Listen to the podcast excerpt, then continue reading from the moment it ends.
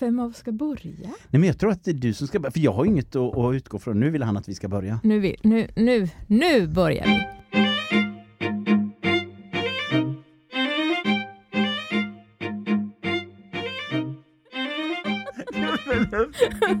Fan, fortsätt att rulla nu. Det här är eftersnack där vi följer upp söndagens mässa. Jag är Ulli Rosén. Och jag är Gabriel Norrgård som var präst i söndagens mässa. Här får man ju också del av allt det där som kanske inte riktigt syntes, vad som hände bakom kulisserna. Vi tänker till en gång extra. Hände det något oväntat i söndags? Ja, min första tanke var att det händer ju ingenting och sen så när man drar sig till minne så inser man jo det händer ju små incidenter som kanske knappt märks men vi, vi är rätt noga med att stänga av telefonerna. Så lite kollektivt före mässan ser vi till att nu stänger vi av telefonerna eller i alla fall stänga av ljud, lägger undan dem. Vad jag inte tänkte på var att min klocka är kopplad till telefonen. Så när det ringer så hörs det ju i klockan, går det fram en ringsignal. Eh, jag blev dessutom extra stressad av att jag insåg att det var polisen som ringde för de ville ha ett litet förhör med mig efter det, den stöldvåg vi hade haft i kyrkan. Eh, och då var jag lite brottsoffer som de ville prata med.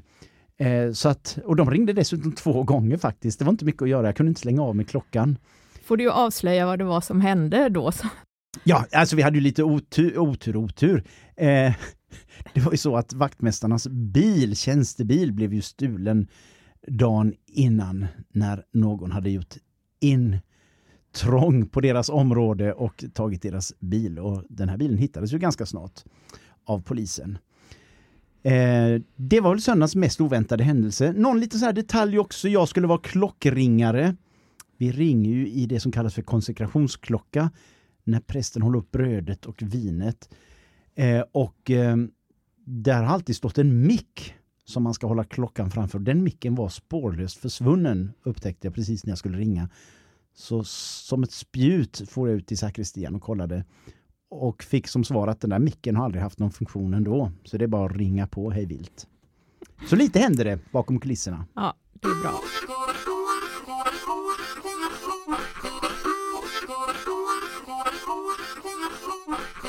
Ja, men då var det ju eh, söndagens predikan som, som handlade om... Eh, den var en... Det är ju så här att jag, när jag haft en predikan så lämnar jag ju den nästan. Så nu var jag tvungen att tänka till egentligen. Den, den gode heden va? Mm, precis. Eh, och den, om jag lite kort ska sammanfatta vad den handlade om så var det egentligen två saker jag ville lyfta fram. Lite grann, vad är en herde? För Jesus pratar om sig själv som herde. Och det där tror jag folk, det låter lite gulligt men det var inte alls gulligt. Det handlar om att vara beredd att offra sitt liv för får.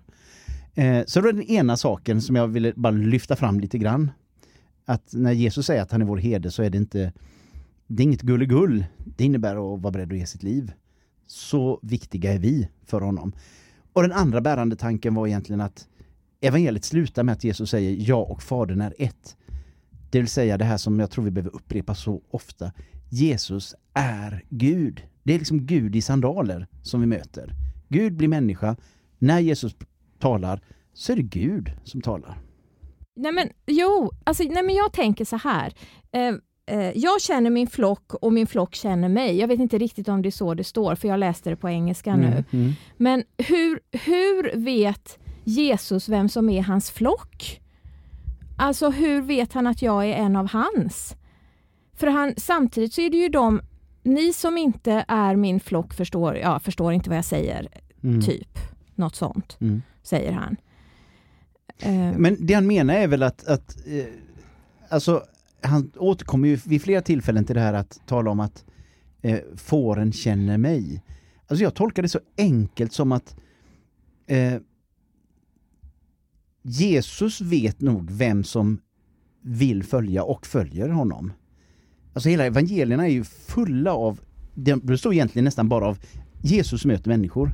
Det är en kort sammanfattning av vad som händer i evangelierna. En del väljer att följa honom. Väldigt oväntade, nästan alltid helt oväntade, de man inte tänker sig och de som andra föraktar.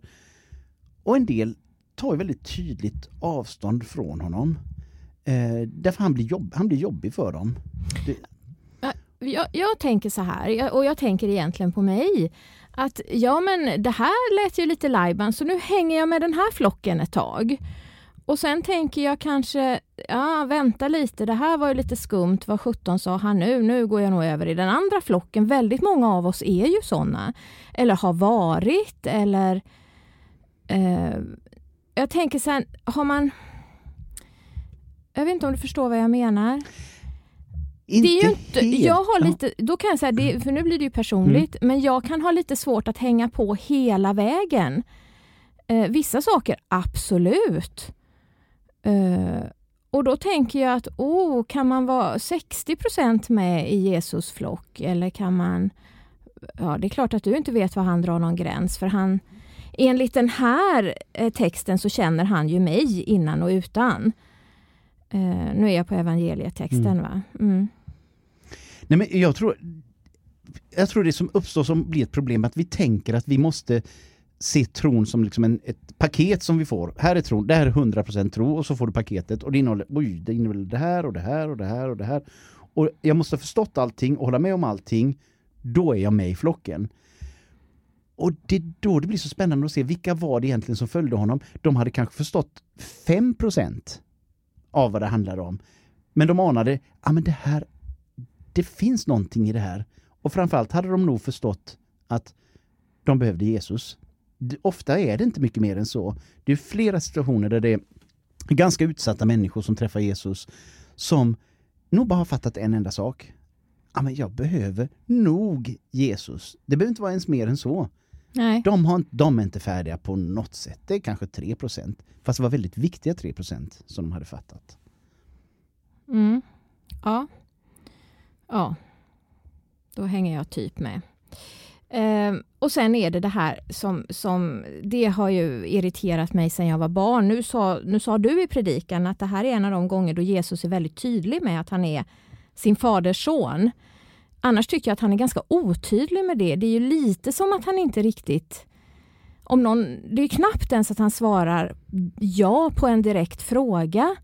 Och då tänker jag, var det tiden som var sån eller var det att det var så otroligt farligt att säga en sån sak? Det var ju därför han blev korsfäst också.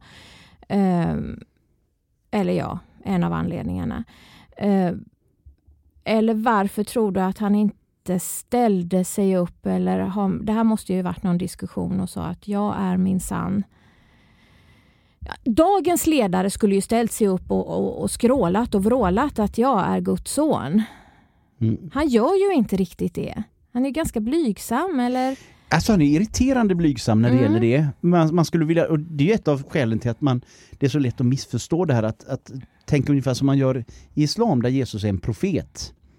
Eh, men, men kristen tro handlar om att gå mycket längre. Och det, det, där, det blir så spännande i evangeliet just den här söndagen.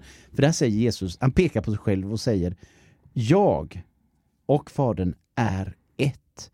Och med Bibelns språkbruk ett, det är liksom så det är liksom så inligt som det kan vara. Det är verkligen samma. Så det är direkt Jesus-citat där han egentligen säger Jag är Gud. Och det är ju det som blir så provocerande. Det, det, vi brukar nämna för konfirmander. Tänk om en eh, av er här skulle gå runt till plötsligt på skolan och säga Jag är Gud. Det blir så otroligt utmanande för det ger bara två alternativ. Sjuk i huvudet eller så är det Gud. Och så måste vi också tänka med Jesus. Alltså antingen är han ju historiens största bluff som gick runt och trodde att han var Gud. Det är ganska sjukt i huvudet att tänka så. Om man inte är Gud. Så Jesus utmanar. Antingen är det så att jag är Gud som människa. Eller så är jag en galning. Det finns liksom inga mellanting. Nej. Och det, han säger ju inte väldigt ofta, åtminstone inte tycker jag. Nej, Alltså, som väldigt blyg. barn var jag enormt irriterad på att han inte kunde varit lite mer bestämd. Mm. Ehm, Han är rätt, jag tycker också han är ganska försiktig i, Ja. i det där. I- är Ibland när han får frågor eh, som han, han är irriterande tyst. Det är ju så vid påsken när, när Pilatus intervjuar honom, eller förhör honom. Så är han så här irriterande fåordig. När, när, när Pilatus frågar honom om vem han är. Är du judarnas kung? Jesus säger ju aldrig ja eller nej. Han säger du säger det själv. Eh, och jag tror till viss del beror det här också på att vi, vi ska läsa det texter som är oerhört gamla med ett språkbruk som är orientaliskt. Och vi förstår inte alltid att Jesus många gånger både roligare, surare, argare, vassare än vad vi förstår. För vi har ju ett glapp från att liksom det här hände första gången och när vi läser det nu. Mm. Mm.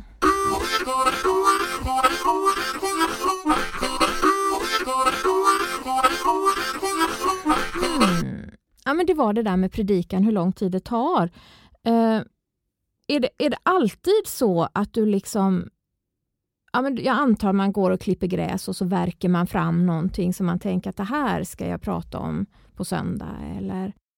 Eh, frågan är, är det, är det så att du liksom går och gör andra saker och under tiden så går du och tänker det här ska jag prata om på söndagen. Det var en, egentligen två frågor här. Och sen är det, följer du alltid evangeliet eller pratar du ibland om grejer eller predikar du ibland om saker som bara är dig, står dig varmt om hjärtat? Jag försöker nog sätta av tid att verkligen gå på djupet i att eh, se vad kan den här, de här Jesusorden säga oss idag? Och försöker nog tänka ganska se det ändå som också nästan som ett arbete jag går in i. Jag, nej, men jag har jättesvårt att gå och klippa gräs och tänka på publiken. Det, det löser ingenting.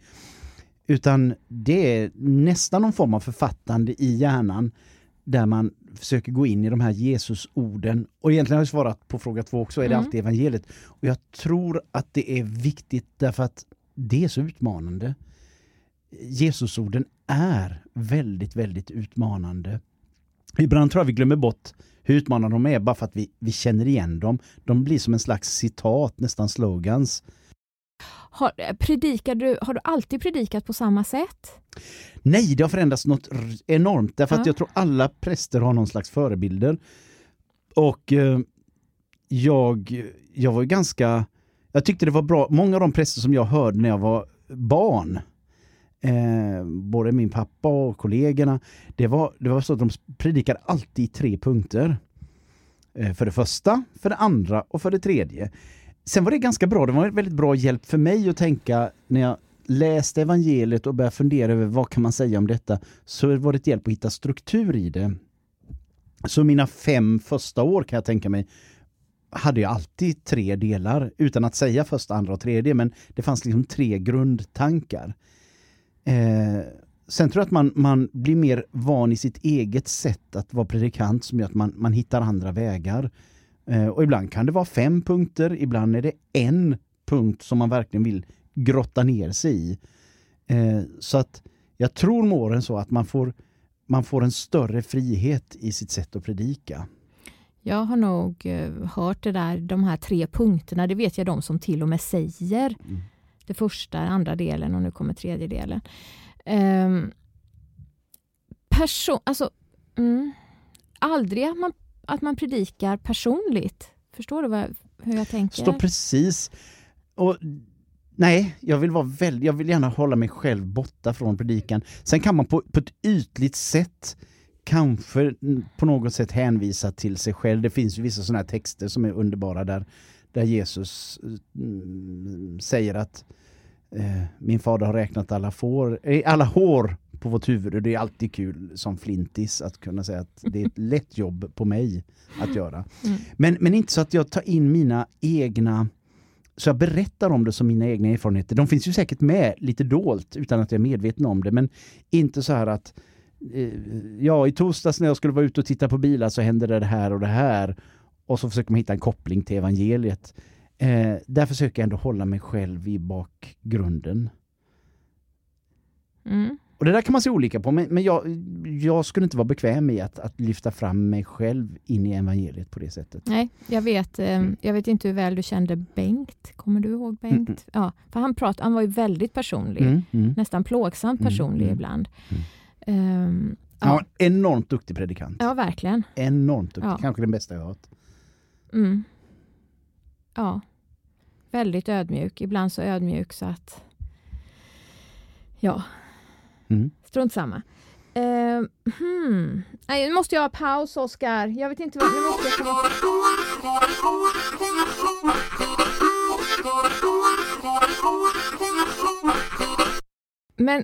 kommer du ihåg alla, alltså vad som är söndagens text som du ska bygga på? Kommer du ihåg dem? Alltså kommer du från, alltså från år till år att nu är det det här som kommer och det är det? Ja du Ulli, det gör jag ju inte alltid. Nej, okej. Okay. För det, det kollar man ju upp i förväg. Eh, man vet ju, nu är det den här söndagen under veckan. Eh, sen är det beroende på vad det är för söndag såklart. Jag menar, är det en... Jag kommer att tänka på en ordvits nämligen. Men det, det är inte forum för ordvitsar. Alls. Utan det är något helt... Alltså jag kan en så bra...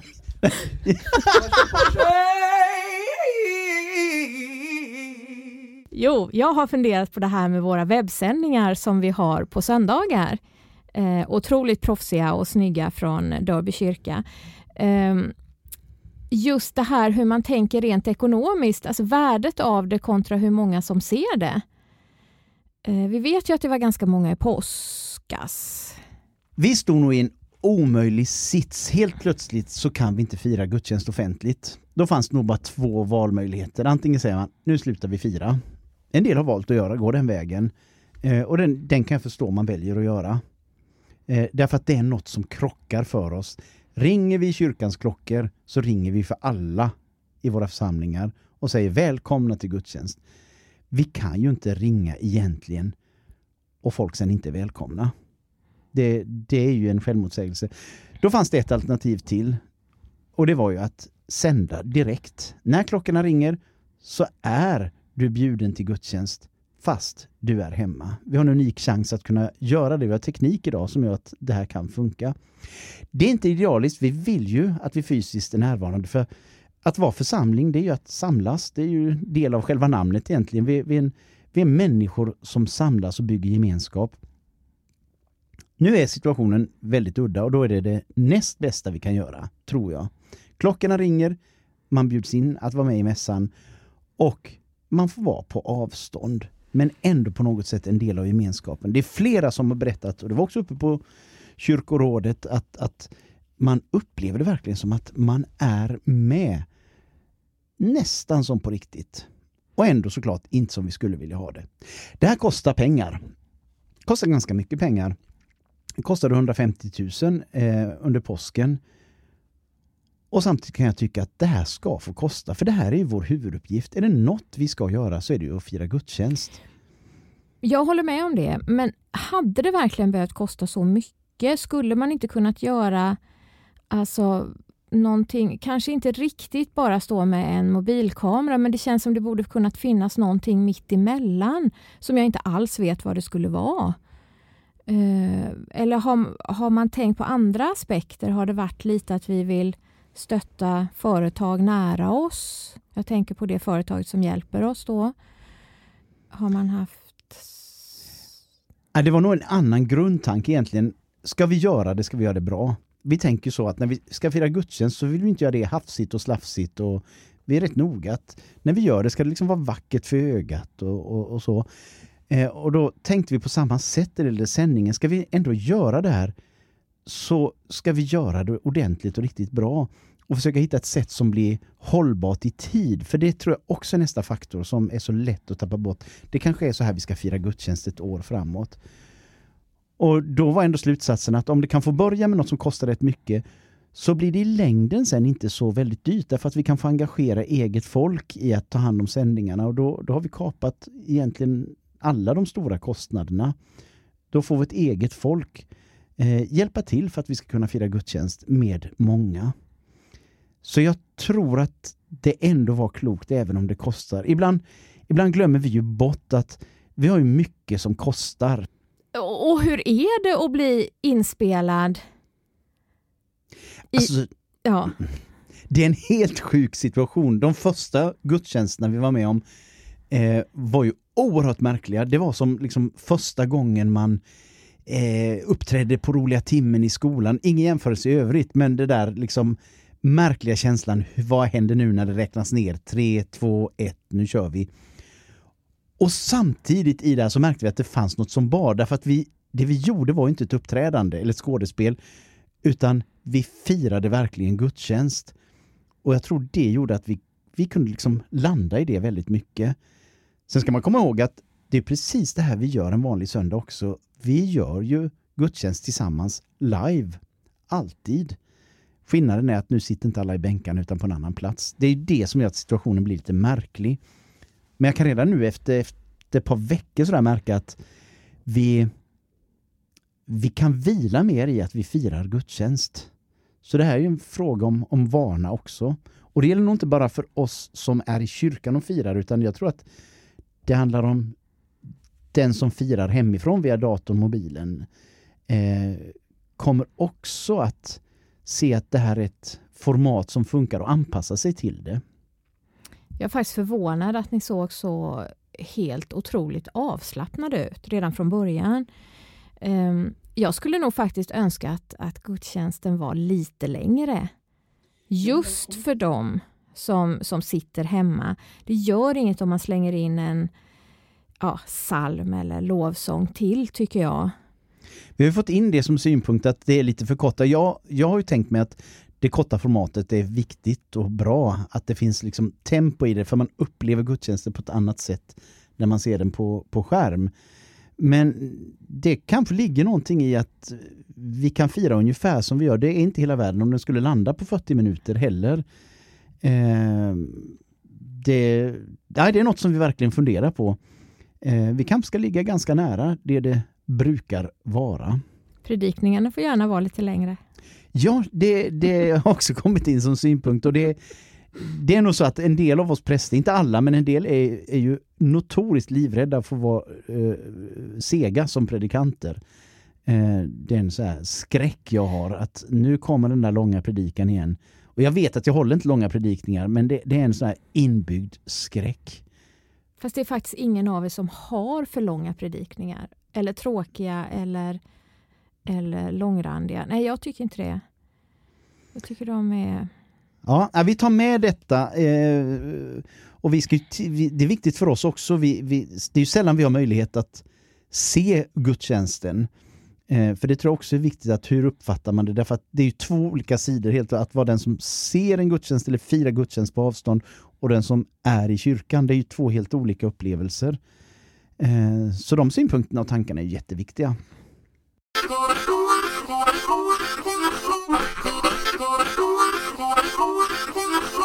Jag har, jag har ju egentligen två, men jag tror jag har sagt jag har ju två ämnen som är liksom, man nischar in sig som ordvitsare så. Det är ju, det är ju ett skrå. Att vara ordvitsare? Ja, det är ett skrå och där gäller det att hitta sin specialkompetens. Jag har ju nischat in mig mest på, det är ju ubåtsvitsar. Jag känner mig väldigt ubåtig. Och sen så är det ju McDonalds-vitsarna. Det är ju liksom mina två som jag McDonalds matvitsar eller McDonalds skotska vitsar? Nej, det är inte, nej. nej men det är alltså det är kedjan McDonalds. Mm. Shoot säger jag. Ja men då tar vi min, min, kanske min absolut bästa. Det är ju, eh, McDonalds har ju lanserat en ny eh, burgare eh, som är baserad på fisk. Du har väl hört talas om vad den? Nej. Det, det är en enorm succé. Nu har man lanserat McRill. den nya fiskburgaren.